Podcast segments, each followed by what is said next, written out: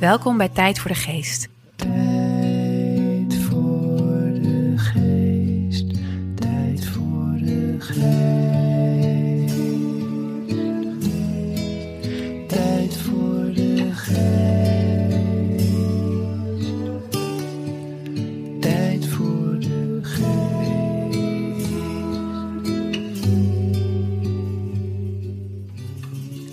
Podcastserie van Museum van de Geest en Flow Magazine.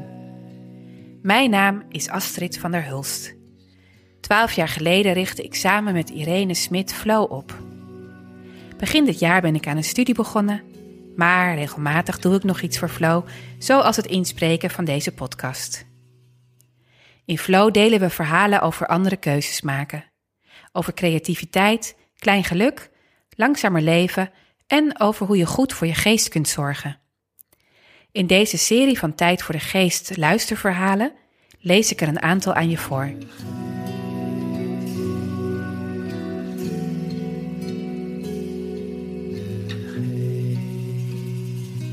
Dit verhaal heet Bosbaden en is geschreven door Benice Nikiolu. De Japanners noemen bosbaden Shinrin-yoku. En het is eigenlijk niet meer dan je onderdompelen in de natuur. Dat we in het Westen het Japanse begrip Shinrin-yoku omschrijven als bosbaden of forest bathing is bij gebrek aan beter. Psycholoog Tim Lomas van de University of East London schaart het onder de noemer onvertaalbare woorden. Dat omdat de werkelijke betekenis eigenlijk meer omvat. Iets als de ontspanning die verkregen wordt door je onder te dompelen in het bos, letterlijk of figuurlijk. Het concept is begin jaren 80 in Japan ontwikkeld en houdt in dat je je heel bewust en langzaam door het bos beweegt, terwijl je probeert alles in je op te nemen. Deze meditatieve manier van wandelen is de wereld aan het veroveren. Simpelweg omdat het een goed middel is gebleken om stress te verlagen en je gezondheid te verbeteren.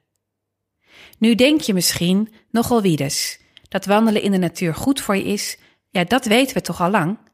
En dat klopt. En er is inderdaad niks mis met een stevige boswandeling. Maar Shinrin-yoku werkt op een ander niveau en is bovendien heel goed in te passen in het dagelijks leven. Dat beschrijft Dr. Quinn Lee in zijn handboek over het hoe en waarom van dit fenomeen. Shinrin-yoku heet het boek, de kunst en wetenschap van het bosbaden.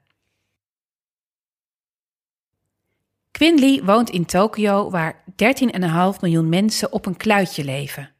Dat ze daar weinig groen zien komt niet zozeer omdat het er niet is. De stad telt namelijk heel veel prachtige parken, maar de werkende inwoner van Tokio komt nauwelijks buiten. De arbeidsetiquette vereist dat je nooit eerder naar huis gaat dan je baas. En hoe langer je overwerkt, hoe meer je laat blijken dat je hart voor de zaak hebt. Het gevolg is dat mensen tot minstens 10 uur 's avonds totaal onproductief op kantoor zitten. Er bestaan in het Japans niet voor niets woorden voor dood door overwerk, karoshi. En voor een dutje dat je doet achter je bureau of tijdens een vergadering, inemuri. Zelfs na het werk houdt het niet op, want dan is het tijd voor de nomikai. Dat is de verplichte kroegentocht met collega's. Want goed voor de groepsdynamiek en het ventileren van eventuele ongenoegens. Ook het opnemen van de toch al weinig vrije dagen wordt gezien als ontrouw jegens je werkgever. En dus gebruiken Japanse werknemers gemiddeld nog geen negen vakantiedagen per jaar. Kortom, als er één land is waar opladen in de natuur van groot belang is, is het Japan. Het bosbaden werd in 1982 dan ook officieel onderdeel van het Nationale Gezondheidsprogramma. Gelukkig is het bij ons met de werkcultuur niet zo dramatisch gesteld, al kan het natuurlijk altijd beter. Wat voor veel mensen wel herkenbaar is, is dat even de natuur opzoeken er vaak niet van komt. Een beetje wandeling kost zo een halve dag. Met als gevolg dat er al snel hele weken voorbij gaan zonder dat je de rust hebt kunnen opzoeken van bos of hei, duinen of strand. Enter Shinrin-yoku. Want het goede nieuws is dat je geen compleet bos nodig hebt om te bosbaden. Je kunt het ook in je eigen achtertuin doen of in een stadspark. En zelfs wandelen hoeft niet per se. Stilstaand genieten van een groene omgeving is net zo heilzaam. Maar als je loopt, doe het dan heel langzaam, met een snelheid van ongeveer 1 km per uur. Een Shinrin-yoku-sessie in een bos duurt gewoonlijk twee uur. Meer tijd levert niet meer voordelen op. Maar ook een kwartier Shinrin-yokuen doet al veel goeds. De enige voorwaarde, probeer al je zintuigen open te zetten. Een van de redenen dat Shinrin-yoku volgens de Japanners zo heilzaam is, is vanwege de grote hoeveelheid pitoncide in het bos. Deze natuurlijke oliën worden door planten en bomen afgescheiden als afweer tegen insecten, dieren en micro-organismen. En ze dienen ook als geurboodschappen tussen planten onderling. In Japan is de afgelopen decennia uitgebreid onderzoek gedaan naar het effect van pitoncide op het immuunsysteem. En wat bleek? Bij mensen die werden blootgesteld aan concentraties pitoncide, namen de antistoffen die witte bloedcellen aanmaken aanmerkelijk toe. Natural killer cells worden die cellen genoemd. En niet alleen de lucht van planten, ook die van aarde is goed voor je. Daarin huist namelijk een bacterie die neuronen gelinkt aan je immuunsysteem activeert. Prettige bekomstigheid, je krijgt er ook nog een goed humeur van. Logisch dus dat de Japanse overheid door het hele land officiële zones heeft aangewezen die geschikt zijn voor Shinrin-yoku. Bosparers kunnen er de hulp inroepen van een therapeut, die daar hun bloeddruk en hartslag meet en ze helpt om optimaal gebruik te maken van hun zintuigen.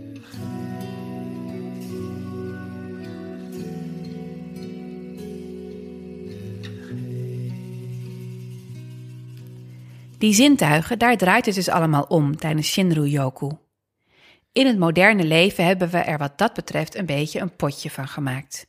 Qua kijken, luisteren en proeven worden we overvoerd, terwijl het op het gebied van voelen en ruiken armoedroef is. Maar ja, hoe zet je dan je zintuigen open?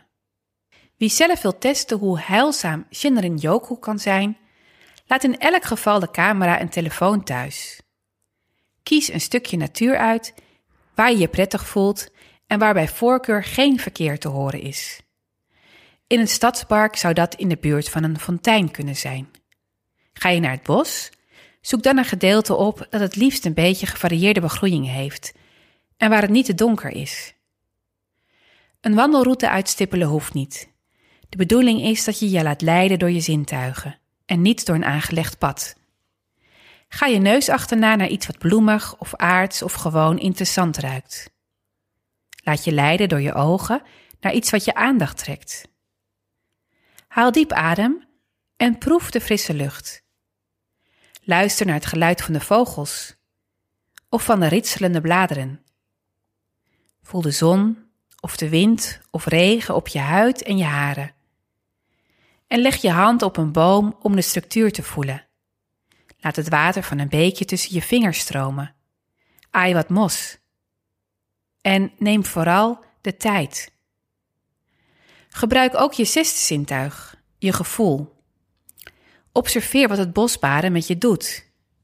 Ga desnoods een tijdje lang uit op de grond liggen op een zachte en droge plek. Of doe je schoenen uit en voel hoe je voeten contact maken met de aarde. In Japan neem je als afsluiting waarschijnlijk een echt bad in de natuur, in een van de duizenden warmwaterbronnen, de onsen, die het land rijk is. In ons eigen land vind je met een beetje geluk een recreatieplas of bosmeertje waarin je een duik kunt nemen. Maar onthoud vooral, niks moet en doe waar je zin in hebt. Laat maar waaien dus. En dan letterlijk.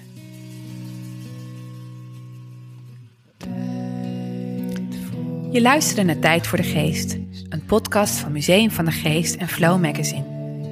De producer is Jonne Seriese en de tune is van Spinvis. Wil je meer weten over het museum, over deze podcast of over Flow Magazine? Bezoek dan museumvandegeest.nl of flowmagazine.nl. Abonneer je op deze podcast bijvoorbeeld bij iTunes en laat een review achter.